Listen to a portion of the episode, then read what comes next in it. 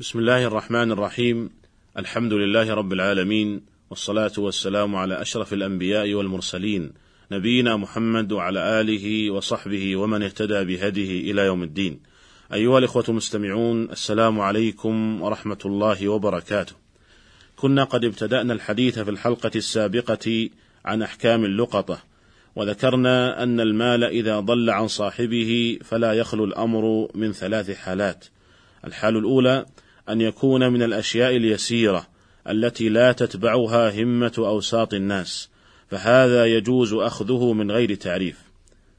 والحال الثانية أن يكون مما يمتنع من السباع بنفسه كالإبل ونحوها فهذا النوع يحرم التقاطه. والحال الثالثة أن يكون من سائر الأموال كالأغنام والأمتعة والنقود ونحوها فهذا يجوز التقاطه لمن يقصد تعريفه ثم تملكه بعد ذلك إن لم يجئ صاحبه. وطرحنا في نهاية الحلقة السابقة تساؤلين.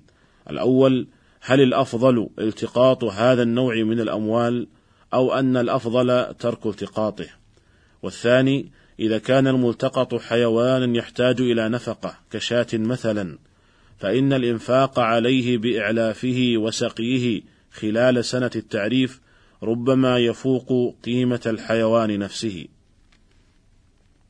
ونبدأ أولا بالإجابة عن التساؤل الأول، وهو هل الأفضل التقاط هذا النوع من الأموال أو أن الأفضل ترك التقاطه؟ مثلا رجل وجد كيسا به نقود، هل الأفضل في حقه التقاطه أو ترك التقاطه؟ نقول أولا إذا لم يأمن على نفسه إذا لم يأمن الملتقط نفسه عليها أي على اللقطة فليس له أخذها. أما إن أمن نفسه عليها فقد اختلف العلماء في حكم التقاطها مع اتفاقهم على جوازه. فمنهم من ذهب إلى أن الأفضل ترك الالتقاط وهو مروي عن ابن عمر وابن عباس رضي الله عنهما وهو المنصوص عليه من مذهب الحنابلة. وهو من مفردات المذهب كما قال صاحب الإنصاف.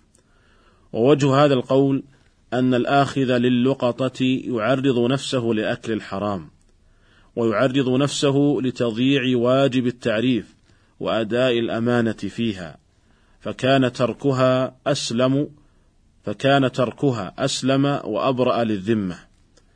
وذهب بعض العلماء إلى أن الأفضل أخذ اللقطة وتعريفها وهو مذهب الحنفية والشافعية واستدلوا بقول الله عز وجل والمؤمنون والمؤمنات بعضهم أولياء بعض وبقول الله سبحانه إنما المؤمنون إخوة ومن مقتضى الولاية والأخوة أن يحفظ المؤمن مال أخيه المؤمن عندما يجده ضالا فيأخذه ويعرفه.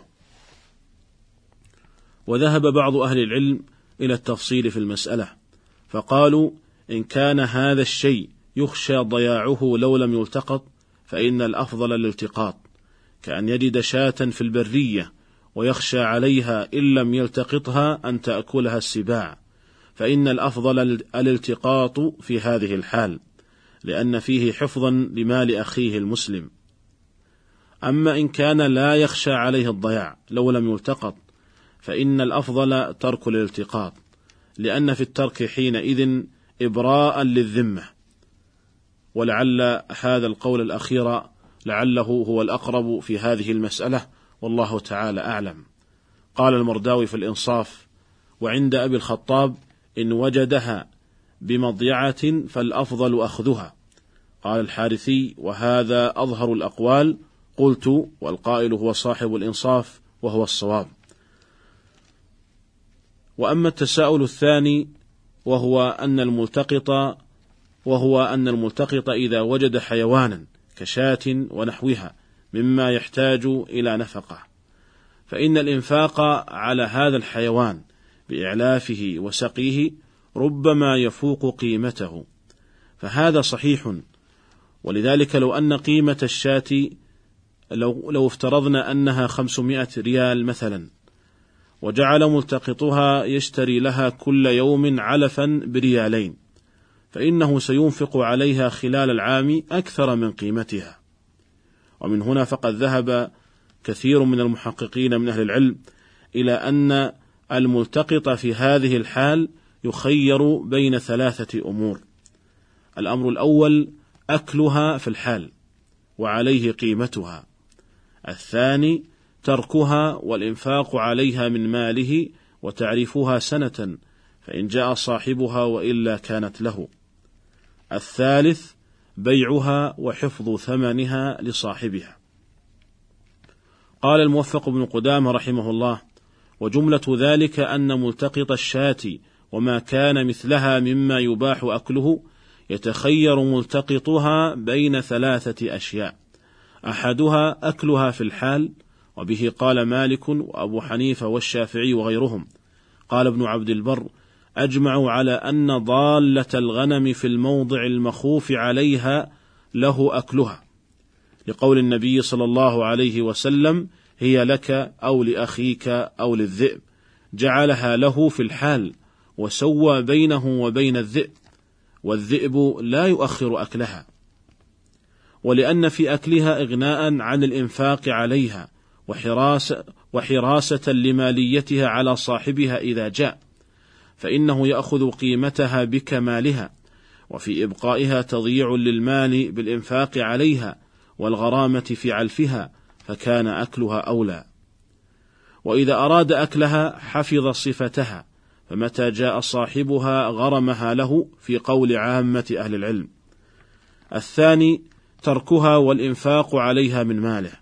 ولا يتملكها فإن تركها ولم ينفق عليها ضمنها لأنه فرط فيها وإن أنفق عليها متبرعا لم يرجع على صاحبها فإن أنفق بنية الرجوع على صاحبها وأشهد على ذلك رجع عليه بما أنفق في إحدى الروايتين عن أحمد.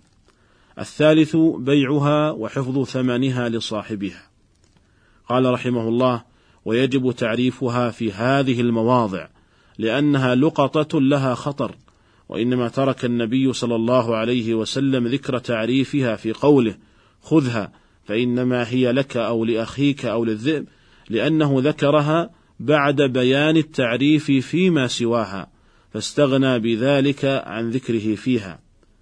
ولا يلزم من جواز التصرف فيها في الحول سقوط تعريفها كالمطعوم وإذا أراد بيعها أو أكلها لزمه حفظ صفاتها.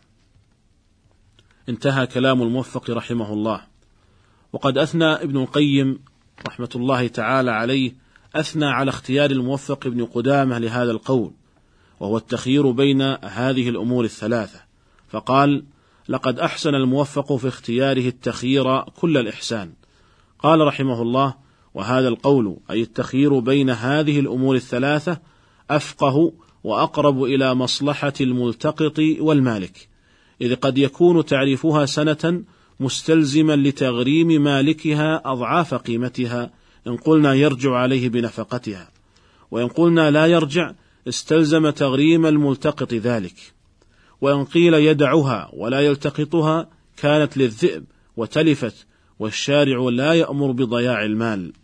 قال رحمه الله وأين في الدليل الشرعي المنع من التصرف في الشاة الملتقطة في المفازة وفي السفر بالبيع والأكل وإيجاب تعريفها والإنفاق عليها سنة مع الرجوع بالإنفاق أو مع عدمه. هذا ما لا تأتي به شريعة فضلا عن أن يقوم عليه دليل. انتهى كلامه رحمه الله. والحاصل أيها الإخوة أن من وجد شاة ونحوها مما يحتاج إلى الإنفاق عليه فإنه يختار الأصلح من بيعها وحفظ ثمنها أو أكلها في الحال مع ضمان قيمتها أو حفظها لصاحبها مع الإنفاق عليها والرجوع على صاحبها بما أنفق مع تعريفها لمدة سنة في هذه الأحوال الثلاثة. وسنتكلم في الحلقة القادمة إن شاء الله تعالى عن كيفية هذا التعريف. نستودعكم الله تعالى. والسلام عليكم ورحمة الله وبركاته.